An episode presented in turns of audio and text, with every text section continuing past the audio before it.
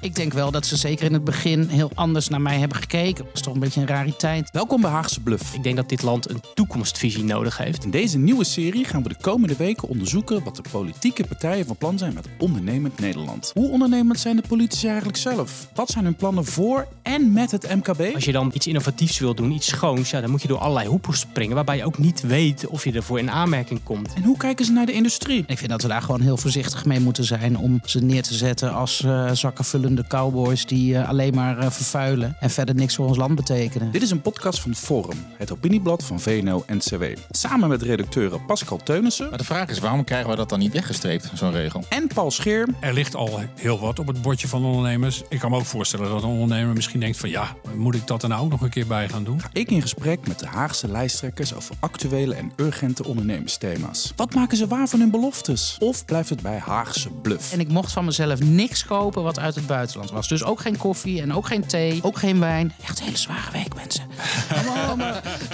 Volg ons via je favoriete podcast-app of op opiniebladforum.nl.